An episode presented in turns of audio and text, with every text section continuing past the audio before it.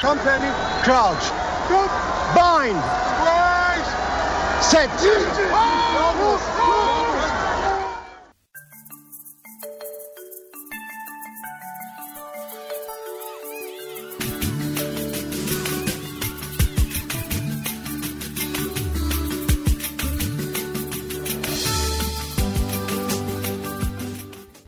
Een van die meer onvoorspelbare wêreldbeker toernooie begin volgende naweek in Frankryk. Die 10de weergawe van die rugby skouspel gee beroepswedders, kenners en aanhangers van die spel baie om oor te praat.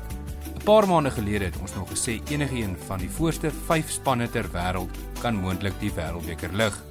Met slegs 'n week voor die toernooi begin, is dit dalk veilig om te sê dat daar nou 4 spanne is waarop jy jou geld kan sit met Engeland se aandele wat die laaste paar maande skielik gedaal het.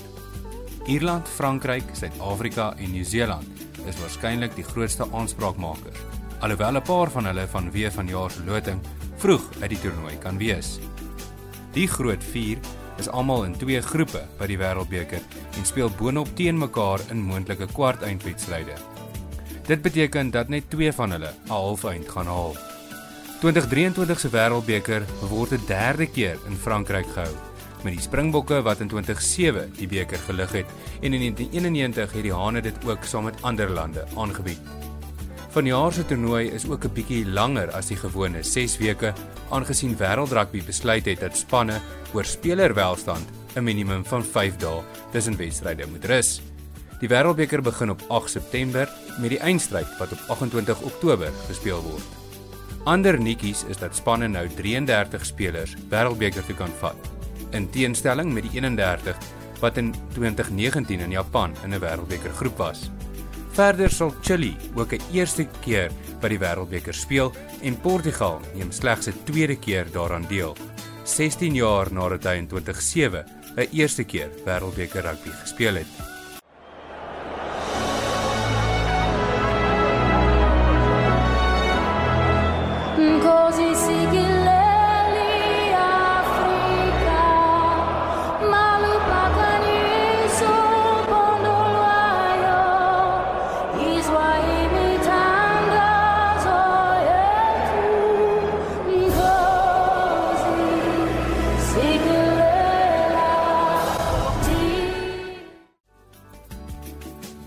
Die Bokke het vanjaar aansienlik meer spelerdiepte as by 2019 se Wêreldbeker en is meer aanpasbaar en oor die algemeen waarskynlik in 'n beter posisie as voor die vorige toernooi in Japan.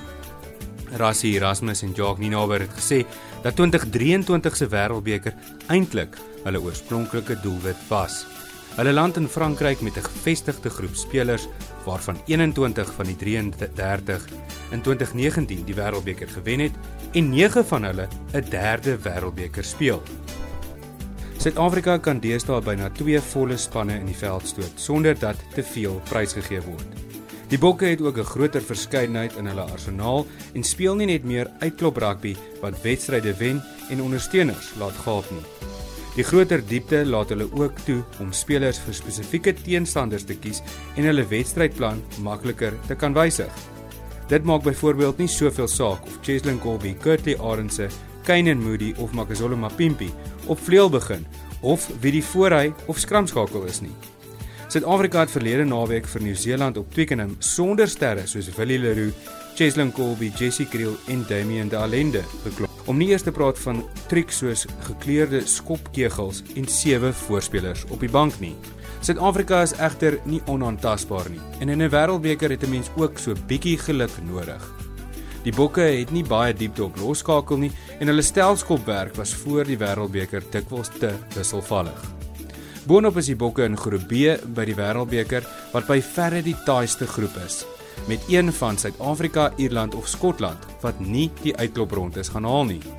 Al drie van hulle behoort egter vir Tonga en Roemenië te klop en daarom gaan elke punt teen mekaar belangrik wees en begin die bokke met 'n groote op 10 September teen Skotland in Marseille. In groep A behoort Nieu-Seeland en Frankryk die voorste twee spanne te wees. In groep C sal dit waarskynlik Wales en Australië wees, terwyl Engeland en Argentinië seker die gunstelinge is in groep D om die groepfases te oorleef. Die Rose het egter voor die Wêreldbeker groot kopseere en het verlede naweek die eerste keer ooit teen Fiji verloor. En onder Steve Borthwick as breier het Engeland net 3 van sy laaste 9 toetse gewen. Dan loop Owen Farrell en Billy Vunipola ook die begin van die Wêreldbeker oor skorsings mis en die beseringsspook het ook 'n paar spelers geëis. Ons buurland Namibië poog om sy eerste Wêreldbeker wedstryd te wen. Alistair Coetzee se span is in groep A saam met die All Blacks, Hane, Italië en Uruguay. Laasgenoemde behoort dus die Biltong Boere se groot fokus te wees. Buiten Coetzee is Pine Pinaar, Matthew Proudfoot en Barend Pieterse ook almal deel van Namibië se afrigtingspan. Die Wêreldbeker begin Vrydag met 'n wedstryd tussen die Hane en die All Blacks in Parys. En vir 'n groter een kon 'n mens beslis nie gevra het nie.